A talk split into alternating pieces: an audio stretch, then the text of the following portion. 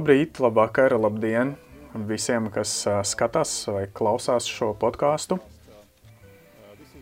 Tas ir Rīgas drošības fóruma podkāsts, un šī konkrētā sērija būs veltīta enerģētikai, klimatam un videi. Mēs varētu teikt, ka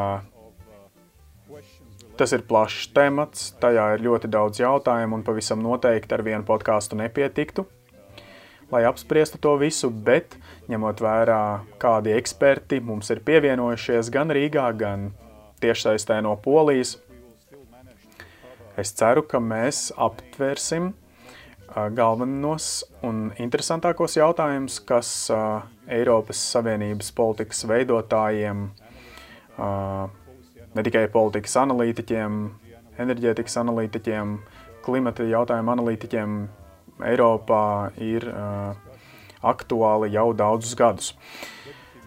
Uh, tātad uh, ar mums šodien kopā Adams Gburžē Četvertīnskis, ministra vietnieks no Polijas, Andris Kužnieks, Eiropas komisijas pārstāvniecības Latvijā vadītāja pienākumu izpildītājs,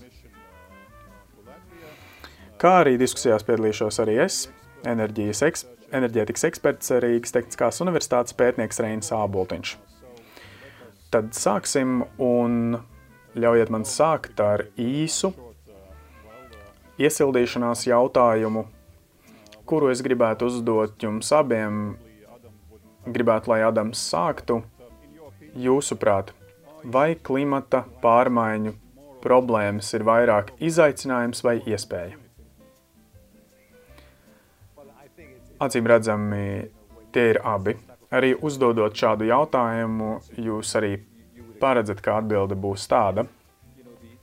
Mūsu ambīcija Eiropai kļūt klimatneitrālai līdz 2050. gadam ir ambiciozākā, vispār ambiciozākais plāns un projekts, iespējams, visā Eiropas Savienības vēsturē. Tas nav kaut kas, kas attiec tikai uz enerģētiku, par to, kā mēs ražojam elektrību, bet tas ir par to, kā mēs pārvietojamies, kā mēs ražojam pārtiku, kā mēs patērējam, patērējam pārtiku, kā mēs apsildām mūsu mājas. Būtībā šeit ir, šajā projektā ir ietvertas visas tautsājumniecības nozars, un tam ir liela ietekme, liela ietekme uz uh, sociālajiem aspektiem, Mums ir nabadzīgākas maisaimniecības vai arī cilvēki, kas dzīvo tuvu uh, ieguves rūpniecības uh, industriālajiem rajoniem. Un tas ir mums tātad gan izaicinājums, gan arī iespēja uzlabot savu cilvēku dzīvi, labklājību, uh, uzlabot gaisa kvalitāti. Tāpēc pavisam noteikti tā tie ir gan izaicinājumi, gan iespējas, bet ja mēs ar, šīm, ar šiem izaicinājumiem cīnāmies un risinām tos, tad tās ir liel, tā ir lieliski iespēja. Viens no izaicinājumiem, protams, ir arī uh, organizēt šo pāreju uz ilgtspējīgāku praksi, uh, enerģētikā vienlaikus saglabājot uh, balansu, lai mēs neiekristu kādās galējībās. Andri, no jūsu viedokļa. Nezinu, vai jūs runāsiet tagad kā no Eiropas komisijas pārstāvis, vai, vai kā jūs domājat, tīrā enerģija visiem eiropiešiem, kas vēl ir ietverts šajā jautājuma spektrā. Reini, paldies par vārdu. Es domāju, ka tā ir lieliska debate, un arī Rīgas drošības fóruma ietveros ir interesanti par to apspriest. Globālās klimata pārmaiņas, tas ir tas, ko mēs par ko mēs diskutējam arī mājās, un arī, starp citu, ir, tas ir drošības jautājums. Bet es gribētu ar uh, Josefa Borela um, citātu sākt, ka mēs dzīvojam pandēmijas apstākļos, mēs dzīvojam apstākļos, kad tiek izstrādāta, bet šobrīd jau ir izstrādāta vakcīna, tad tuvākajā gada, tuvākā gada laikā mēs tiksim galā ar pandēmiju, taču klimatam uh, vakcīnas nav. Nav risinājuma. kas nekavējoties iedarboties. Tāpēc izaicinājums ir, un te mēs varam arī diskutēt par to, ka mums ir lieliski priekšnosacījumi, bet arī pat, papil, papildinot, ko Adams teica, tātad tā ir iespēja izmainīt mūsu ekonomikas struktūru. Un tagad, kad arī pandēmijas apstākļos, kad esam dziļā ekonomiskajā krīzē, iznākot, iznākot no tās, mums būtu jābūt zaļākiem un digitālākiem. Un tas ir tas virziens, kurā mums būtu jāattīstās. Uh, Eiropas zaļā vienošanās, tā ir absolūti augstākā prioritāte šobrīd Eiropas komisijā, un mēs jau uh, Fonderleinas uh, komisijas uh, gadu tūlīt atzīmēsim, un uh, zaļā vienošanās Green Deal ir uh, ir viens no darba kārtības svarīgākajiem punktiem, un ir jau daudz in, uh, iniciatīvu. Startautiskā enerģētikas aģentūra ir izanalizējusi arī enerģētikas sektora attīstību klimata pārmaiņu kontekstā un arī Covid-19 uh, krīzes apstākļos. Un viens no secinājumiem, vienīgais, kurš izceļās no visiem scenārijiem, kurus piedāvāja eksperti, ir tas, ka šī krīze, Covid-19 krīze, kā mē, kādu mēs to redzam, uh, iezīmē ogļu ieguves un ogļu ekonomikas uh, noslēgumu. Un es lieliski saprotu, ka daudzas valstis, nu, it īpaši, bet ne tikai Polija, Vācija, tas viņām, šīm valstīm varētu būt liels izaicinājums, kad mēs koncentrējamies un darām visu, kas ir mūsu spēkos, ko mēs varam atļauties, neriskējot uh, izvērsties kādām negatīvām sakām sociāli ekonomiski. Un, um, un Andris arī atzīmēja, ka tātad, un es arī ātri pārēšu pie nākamā jautājuma, ko mēs domājam, cik lielā mērā klimata pārmaiņas prasa tātad enerģētikas nozares izmaiņas. Tas, ko jūs teicāt par oglēm, pilnīga taisnība. Šobrīd ir gaidāmas struktūrāls pārmaiņas klimata politikas ietveros, un mēs vēlamies šo politiku ieviest, bet tajā pašā laikā, un es, nu, ja es runāšu tātad no polijas skatu punkta, mums ir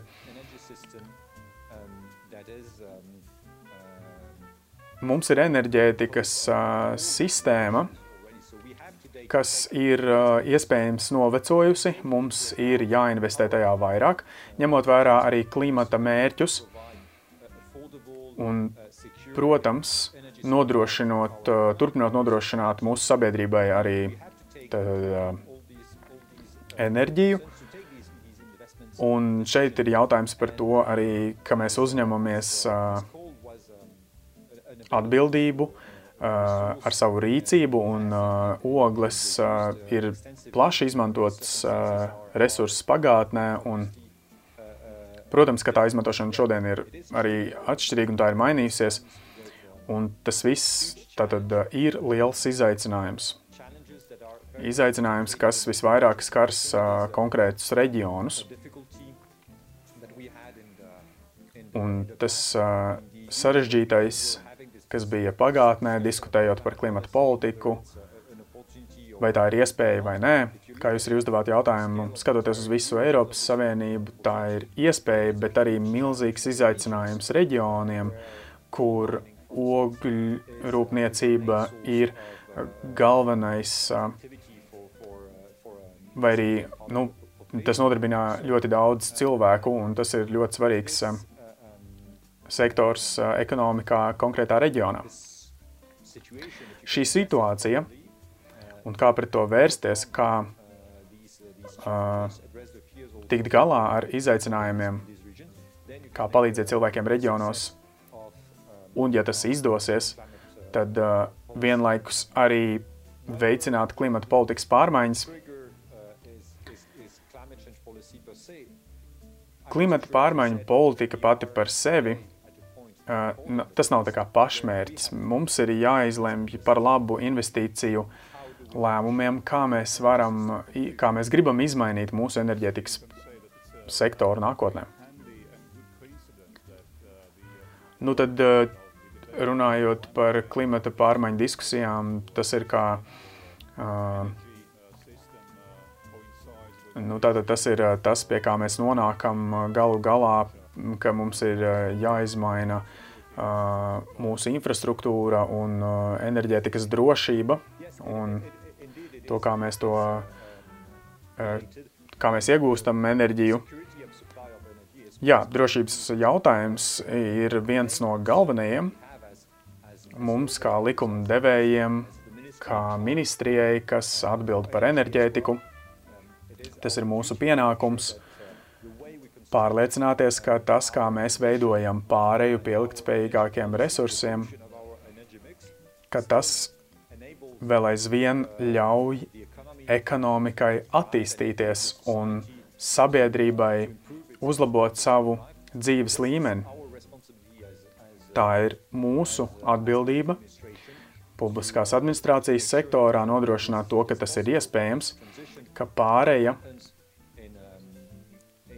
notiek noteiktā ātrumā, tātad saprātīgi, ka mēs spējam izveidot bez izmešu enerģijas sistēmu. Mums tā patiešām ir nepieciešama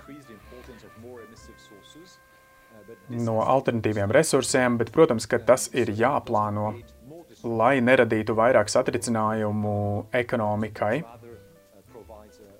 un tad vienmērīgi nodrošināt pamatu uh, attīstībai. Ļoti izsmeļoši paldies, Andri, vai jūs varētu komentēt, mēs tad runājam par godīgu pāreju, ne tikai enerģētikas pāreju.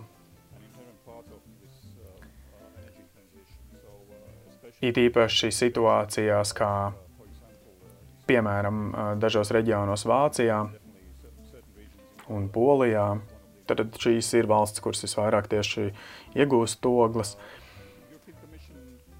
Eiropas komisijai noteikti ir kāda neizspēlēta kārts, lai uh, nodrošinātu godīgu pārēju zem, zem ilgtspējīgas enerģētikas sistēmas karoga, lai cilvēki nesamaksā par to par daudz, vai arī tam nebūtu kādu sociālu, ekonomisku seku. Kas, piemēram, ir Eiropas komisijas rīkos, ko viņi var darīt? Jā, tieši tā kā Reinis min, pārēja, pārēja pie ekonomikas ar mazāku oglekļa izmešu ir lielāka problēma tajās valstīs un reģionos, kur ir nepieciešams vairāk izmaiņu. Un tas, ko komisija ir uh, ieteikusi un jau arī uh, konkrētām dalību valstīm mehānismus, kā kompensēt, ir šīs te godīgās pārejas mehānismus, kas uh, aptvertu investīcijas valstīm un reģioniem, tad viņi varētu aizņemties papildu līdzekļus, kā arī uh, tieši budžetā paredzēt uh, tādu pārejas ietvaru, un to mēs arī ar Adamu diskutējām. Polija šajā gadījumā būs no budžeta līdzekļiem vislielākais saņēmējs tieši. Un līdz pat 30% kohēzijas līdzekļu vajadzētu atvēlēt klimata pārmaiņām, un arī, lai cīnītos ar pandēmiju un atgūšanos no pandēmijas, Arī tam ir jāpalīdz, un tā ir prasība. Tur vajadzētu būt vismaz 37% novirzītiem un atgriežoties pie jūsu jautājuma par, par enerģijas sektora izmaiņām, tas noteikti Šobrīd par to tiek diskutēts arī zaļās vienošanās ietveros, un pareizām politikām ir jābūt ieviestām. Enerģijas efektivitāte, piemēram, mums ir jādomā par to, ka mums ēkas jāpadara energoefektīvākas, un arī jāskatās uz to, kā tas atspoguļojas cilvēku rēķinos, mūsu ģimenēm, cik daudz par to būs jāmaksā. Un arī visvairāk, protams, jādomā tieši par sociāli neaizsargātākajiem cilvēkiem, kuri jau mm, šobrīd sastopas ar grūtībām. Un, tā kā komisija saka, protams, ka mēs nevienu nevaram, mēs, mums ir jāņem vērā pilnīgi visi mūsu iedzīvotāji. Enerģētikas jautājumos efektivitāte, protams, ir, tad, tas tad būtu godīgi vislabākais iespējamais risinājums to tā arī ieviest klimata neitrālā ekonomikā, kā mēs zinām. Tad vislabākā enerģija ir tā, kuru mums nav jārada, nav jāpatērē, bet tas nav par megavatiem.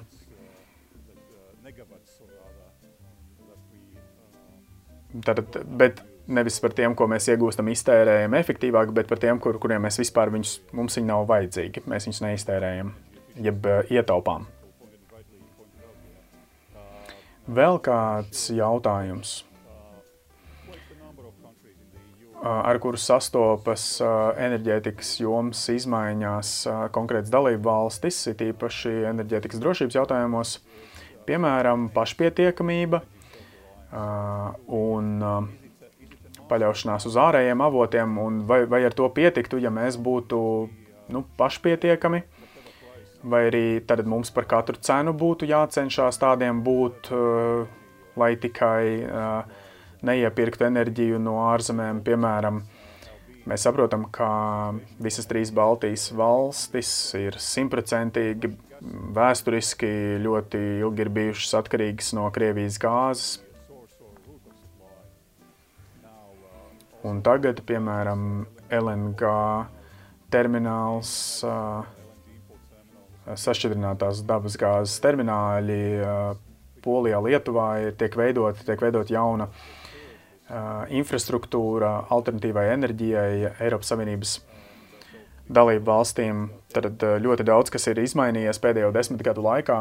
Bet, Adam, tad es gribētu uzdot jums jautājumu, vai šī pāreja no viena galvenā primārā enerģijas avota, kas būtu un kas bija ogles vai, arī kaut kas, ko jūs uh, atrodat kā labāko risinājumu, bet citu tādu alternatīvu, kā jums šķiet, cik daudz, cik liels uzsvars jums būtu jāliek uz uh, enerģijas ražošanu pašpietiekamību, vai tas ir kaut kas tāds, ko mums vajadzētu, būtu labi, vai nu, būtu neslikti, ka būtu?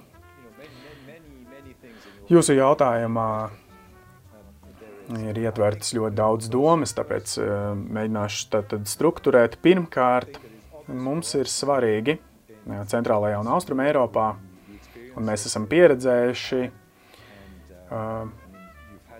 jums arī ir pieredze, es atceros, kad es biju bērns, ziemā gāze tika izmantots kā politiskais ierocis, un mēs ļoti labi zinām, ka tieši tā tas arī tiek izmantots, un tur šī diversifikācija politikā, ko mēs ieviesām Polijā, izveidojot sašķidrināsās gāzes terminālu, vai arī Baltijas gāzes vadu, kas sam, savieno mūs ar Norvēģiju. Tas ir uh, instruments uh, Eiropā, un tas var nodrošināt mums nepieciešamo diversifikāciju, kā mēs iegūstam dabas gāzi, un tas padarīs mūsu enerģētikas sistēmu vēl uzticamāku.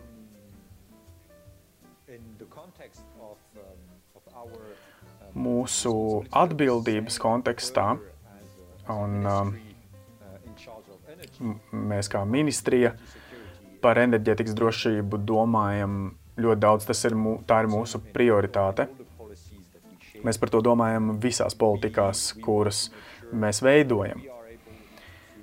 Un mums ir jānodrošina enerģija mūsu valstī, lai mūsu valsts, mūsu ekonomika varētu funkcionēt pareizi, atbilstoši, lai mūsu mājsaimniecības varētu funkcionēt, un mēs to varam izdarīt, izmantojot dažādas sistēmas, dažādus avotus un diversifikācija nodrošinās lielāku drošību, bet tas nav vienīgais. Ja mēs paļaujamies uz dabiskajiem resursiem, kas mums ir mūsu valstī, atteikties no oglēm varbūt ir, nu, tas ir iespējams, bet mums ir jāstrādā ar atjaunojamajiem resursiem, ja mēs varam nodrošināt enerģijas piegāžu drošību, kad uh, Uh, piemēram, mums nav pietiekoši daudz vēja, saules, un mēs nevaram no alternatīviem resursiem iegūt uh, uh, enerģiju. Tad tas būtu jautājums varbūt par uzglabāšanu, varbūt jautājums ir par mūsu gadījumā par kodola enerģiju. Atbilžu, atbildes ir vairākas, kā ir iespējams nodrošināt enerģētikas drošību. Taču svarīgi ir, ka mums tātad ir pieejams klāsts ar avotiem, lai varētu risināt šos jautājumus un, un izmantot, piemēram, atjaunojamos enerģijas avotus nacionālā līmenī, kad, piemēram, šobrīd ar vēja parkiem, bet pandēmijas apstākļos piegāžu ķēžu jautājums ir kļuvis uh, daudz svarīgāks. Mums ir daudzi projekti, piemēram, kuros mēs redzam jau tagad ir kavēšanās ar investīcijām, jo piegāžu ķēdēs ir problēmas. Un tas, tas viss ir ļoti svarīgi, un tas pārējai būs kritiski svarīgi. Lai mēs varētu nodrošināt piegādes uh, uh, Eiropā, ja mūsu partneriem ir nepieciešamā kapacitāte, Tātad enerģētikas drošība pavisam noteikti ir temats, par ko mēs domājam, bet tas ir arī komplekss vienādojums, kurā ir iespējami dažādi scenāriji, kā mēs varam arī garantēt drošību. Paldies, Adam, Andri, no Eiropas Savienības perspektīvas. Nu, kā jums šķiet? Obligāti mums nepieciešams, vajadzētu vai būtu jauki, ja būtu? kādas ir šīs attiecības un enerģētikas tirgu. Nedaudz pastāstīšu par Baltijas valstīm kā par enerģētiski tādu kā salu. Nu, atsevišķā kontekstā ļoti labi atceros, ka 2009. gadā enerģētikas ministri Eiropā, viņi bija kā ķīlnieki, starp Naftogāzu un Gazprom, un es atceros, strādāju tajā laikā ekonomikas ministrijā. Mēs redzējām šādu cīņu, novērojām starp gāzes uzņēmumiem, un, un mums, mēs bijām bezspēcīgi, un tagad, atskatoties, un ko mēs esam sasnieguši 11, 12 gadu laikā, piemēram, gāzes tirgū, gāzes situācija Baltijas valstīs šobrīd, nu, tas ir kā mēs būtu pārcēlušies vairākus gadsimtus nākotnē.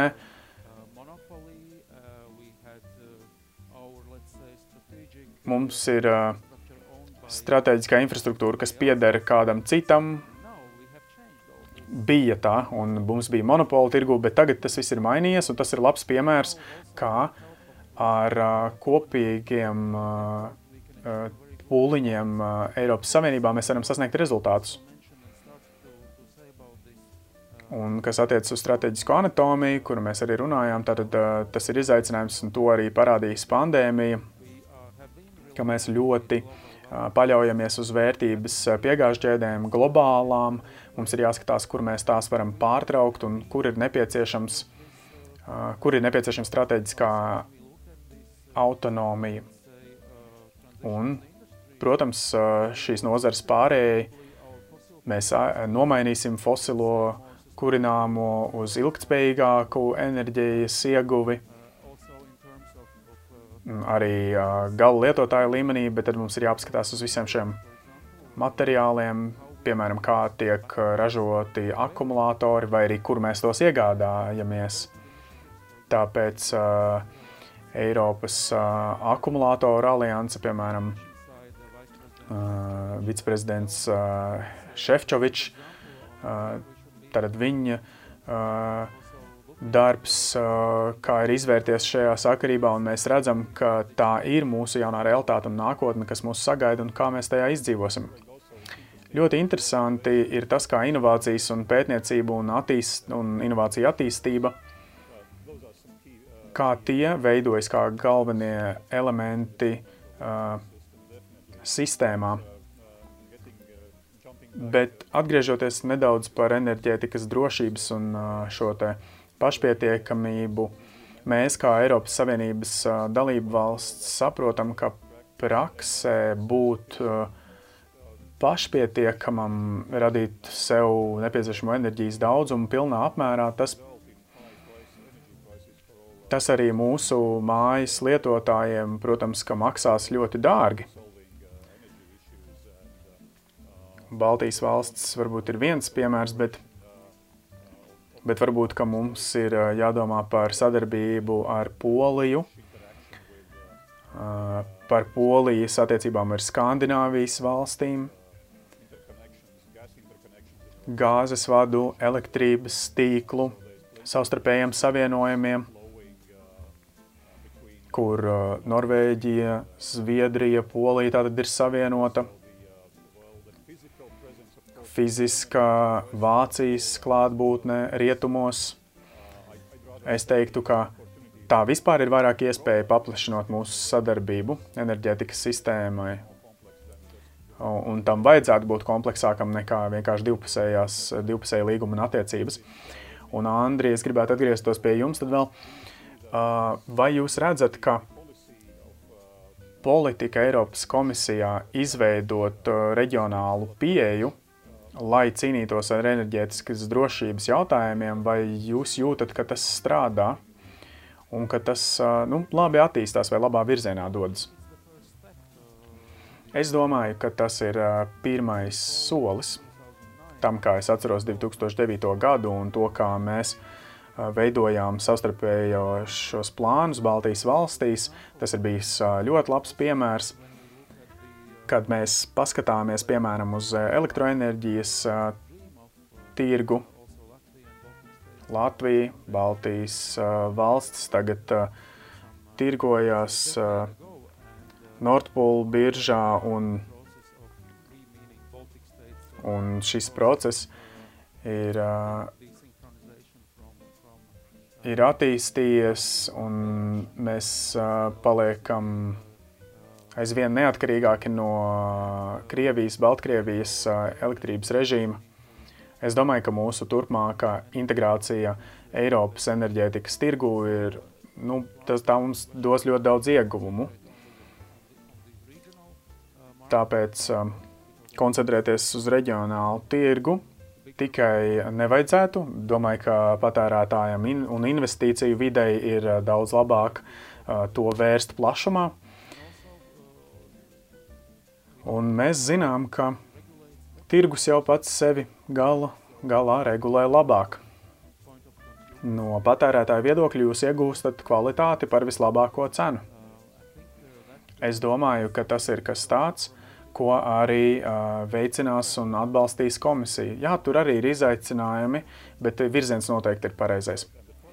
Eh, dabasgāzes cena arī ļoti laba. Domāju, ka eh, mēs visi saprotam, un tas viss eh, enerģētikas nozars pārējais apstākļos Polijā. Vācija saprot, ka dabasgāzes cena šobrīd pēdējos 4-5 gados ir bijusi tik zema, ka,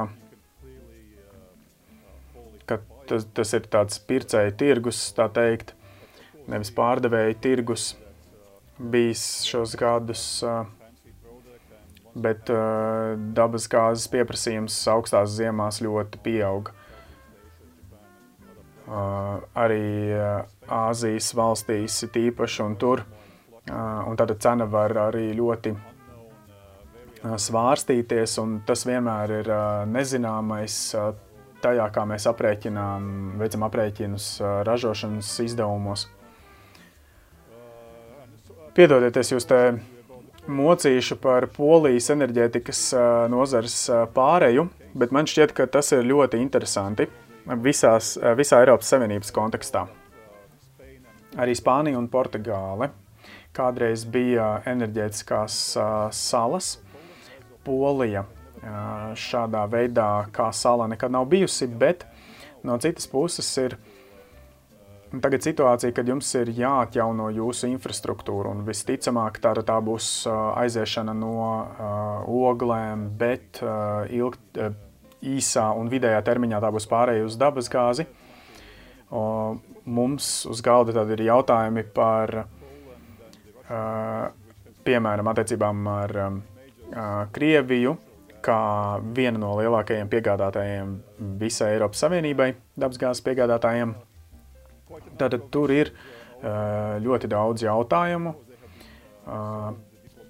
kuras ir jārisina diplomātiski, un gandrīz vienmēr ir jāsaka, ka tur ir tāds, tā kā, ir kāds spriedze. Bet kā jūs domājat?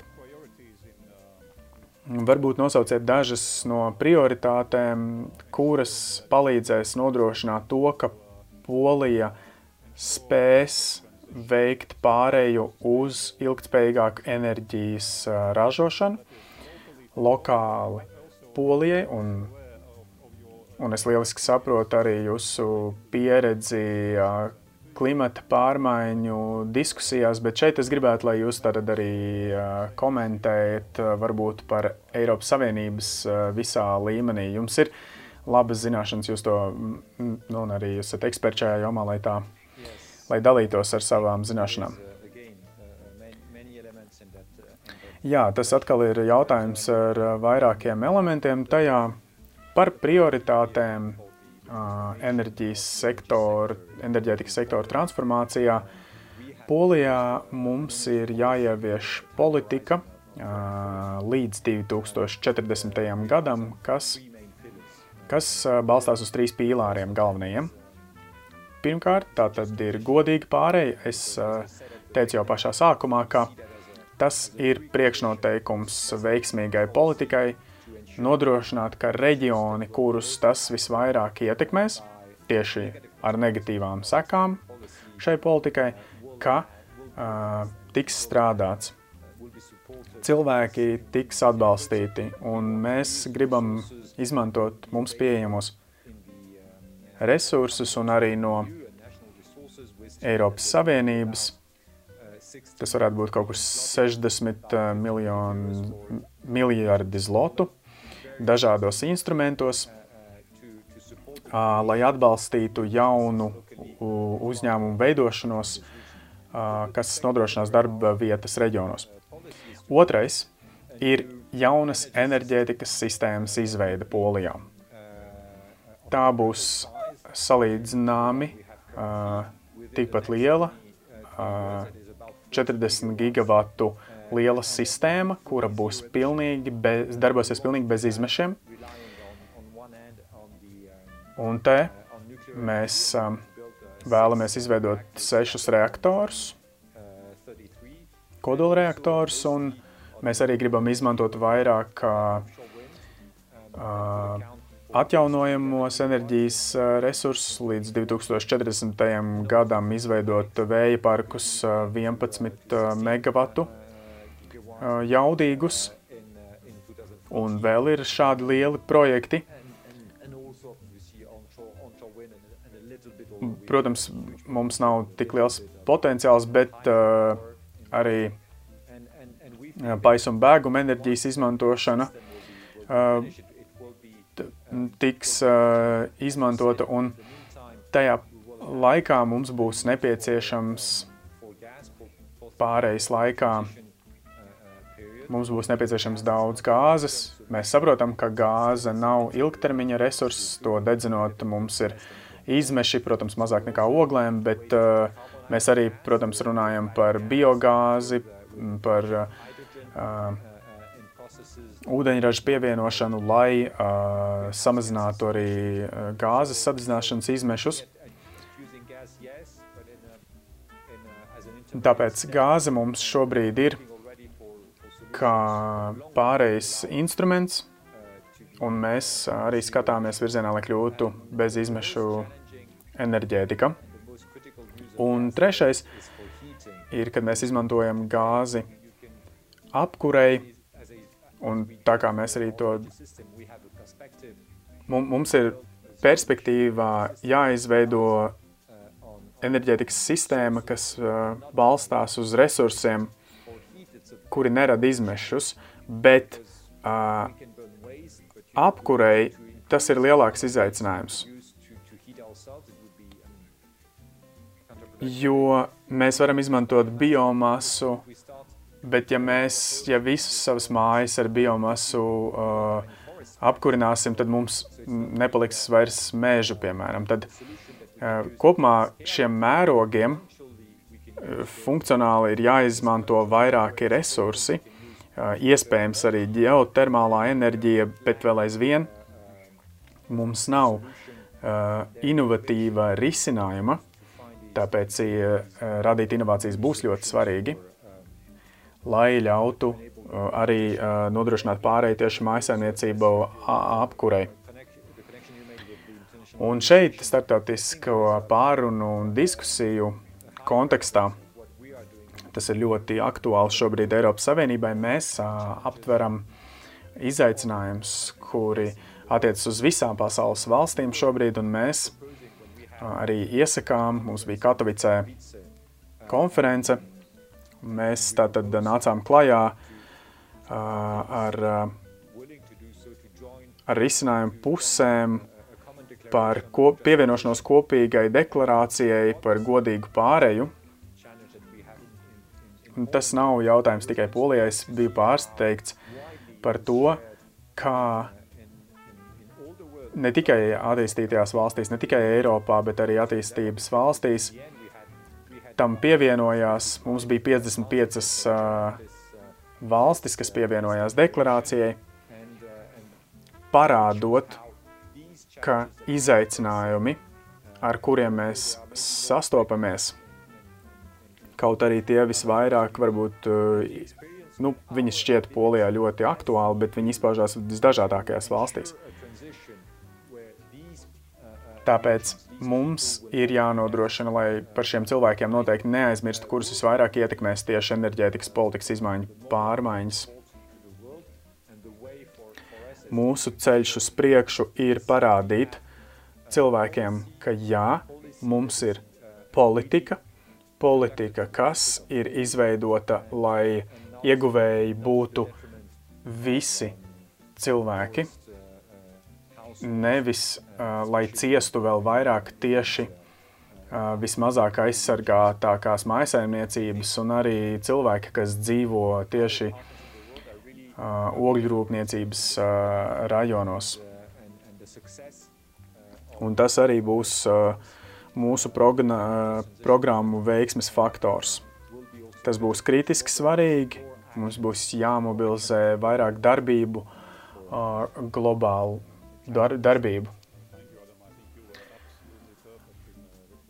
Lieliska atbilde arī uz maniem, manām piebildēm un intervencēm Andri. Līdz 2050. gadam būsim klimatneitrāli. Domāju, ka tas ir galvenais jautājums, jā. Un ko gan es varu teikt? Protams, jā, mēs to izdarīsim. Un taisnību sakot, paskatoties pagātnē, zināmā mērā mēs esam daudz ko panākuši. Kopš 90. gadiem ekonomika pieaug, ekonomikas attīstības temps ir bijis 60%, un arī par 25% esam samazinājuši oglekļa izmešus. Bet par globālo diplomātiku runājot, ka nākamais gads būs ļoti interesants, izaicinājumi pilns, Baidena administrācijas Baidena administrācija, kas sāks savu darbu,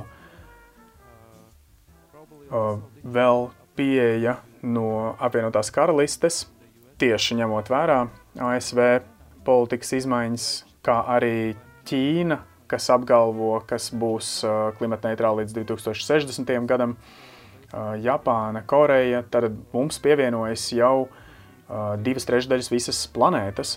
Tāpēc tas būs ļoti interesanti, kā nostrādās globālā diplomātija, kāds ceļš mums ir sagaidāms, ka iespējams tas ir vēl ambiciozāk nekā Parīzes klimata vienošanās.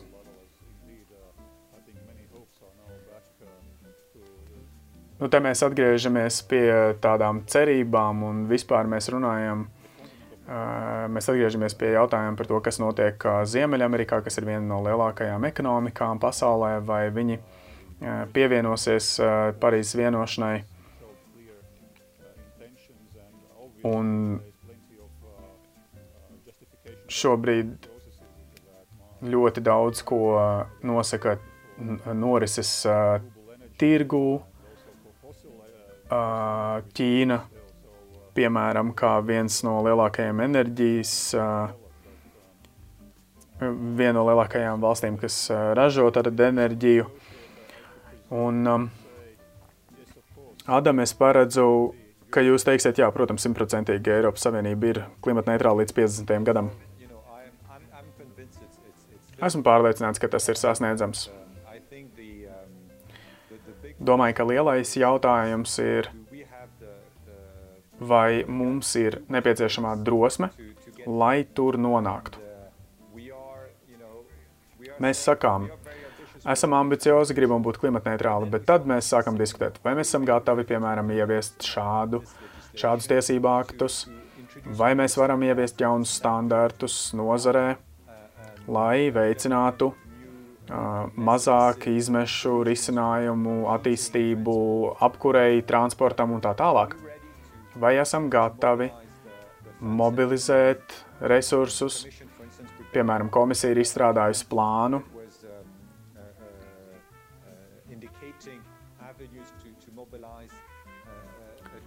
lai līdz 2030. gadam tātad sasniegtu klimata mērķus, lai mobilizētu uh, ļoti daudz līdzekļu, tad, tad mums ir plāns, kā mobilizēt aptuveni ceturto daļu no finansējuma, kas ir nepieciešams, lai sasniegtu 2030. gada mērķus. Nevis 2000, nu tātad līdz 2050. gada mērķiem vēl ir ļoti daudz finansējuma. Katri nākamie 10% tajā pievieno daudzkārt lielāku finansējumu, nevis proporcionāli. Tāpēc, diskutējot par šo plānu, mums, ja mēs patiešām vēlamies, lai tas ne, nepaliktu tikai piezīmju grāmatās un teorētisks, mums pavisam noteikti ir jādiskutē, kas mums ir nepieciešams, lai, un kādas ir nepieciešamās investīcijas, lai pārmaiņas patiešām notiktu. Domāju, ka tā ir ļoti laba doma, lai noslēgtu diskusiju un podkāstu šodien, un mūsu dalībnieki, mēs dalībnieki šajā diskusijā šodien, mums pavisam noteikti ir nepieciešamā drosme. Cerēsim, ka tāda ir arī politiķiem. Tātad priekšvēlēšana laikā mūsu valstīs viņi neie, neieliks atpakaļ, nepārvilks atkal kažoku, un mēs turpināsim uh, attīstīties godīgas enerģētikas sektoru politikas pārēju.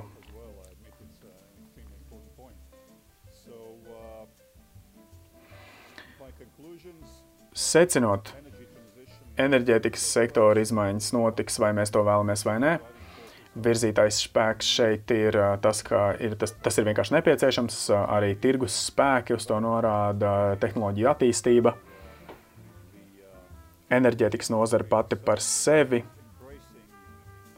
ar katru dienu aizvien vairāk veicina šīs pārmaiņas, jo saprot, ka rīt, tad tirgus nav šodien, tirgus ir rīt, tas ir tam, kam viņi strādā un tiks strādāts pie risinājumiem, kas būs nepieciešami tieši nākotnē.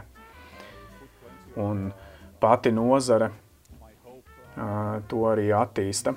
Un, un es ceru, ka tie procesi turpināsies uz šīs nots, tad arī es vēlreiz pateikšu paldies ministra vietniekam Adaram, Adamam Buržē Četvirtinskim, Andrim Kužniekam, Eiropas komisijas pārstāvniecības Latvijā vadītāja pienākumu izpildītājiem. Nu, teikšu arī sev paldies podkāstu klausītājiem, visa Rīgas drošības fóruma podkāstu klausītājiem, bet tagad mums ir jānoslēdz, jo mums ir jāstrādā pie enerģētikas un klimata jautājumiem.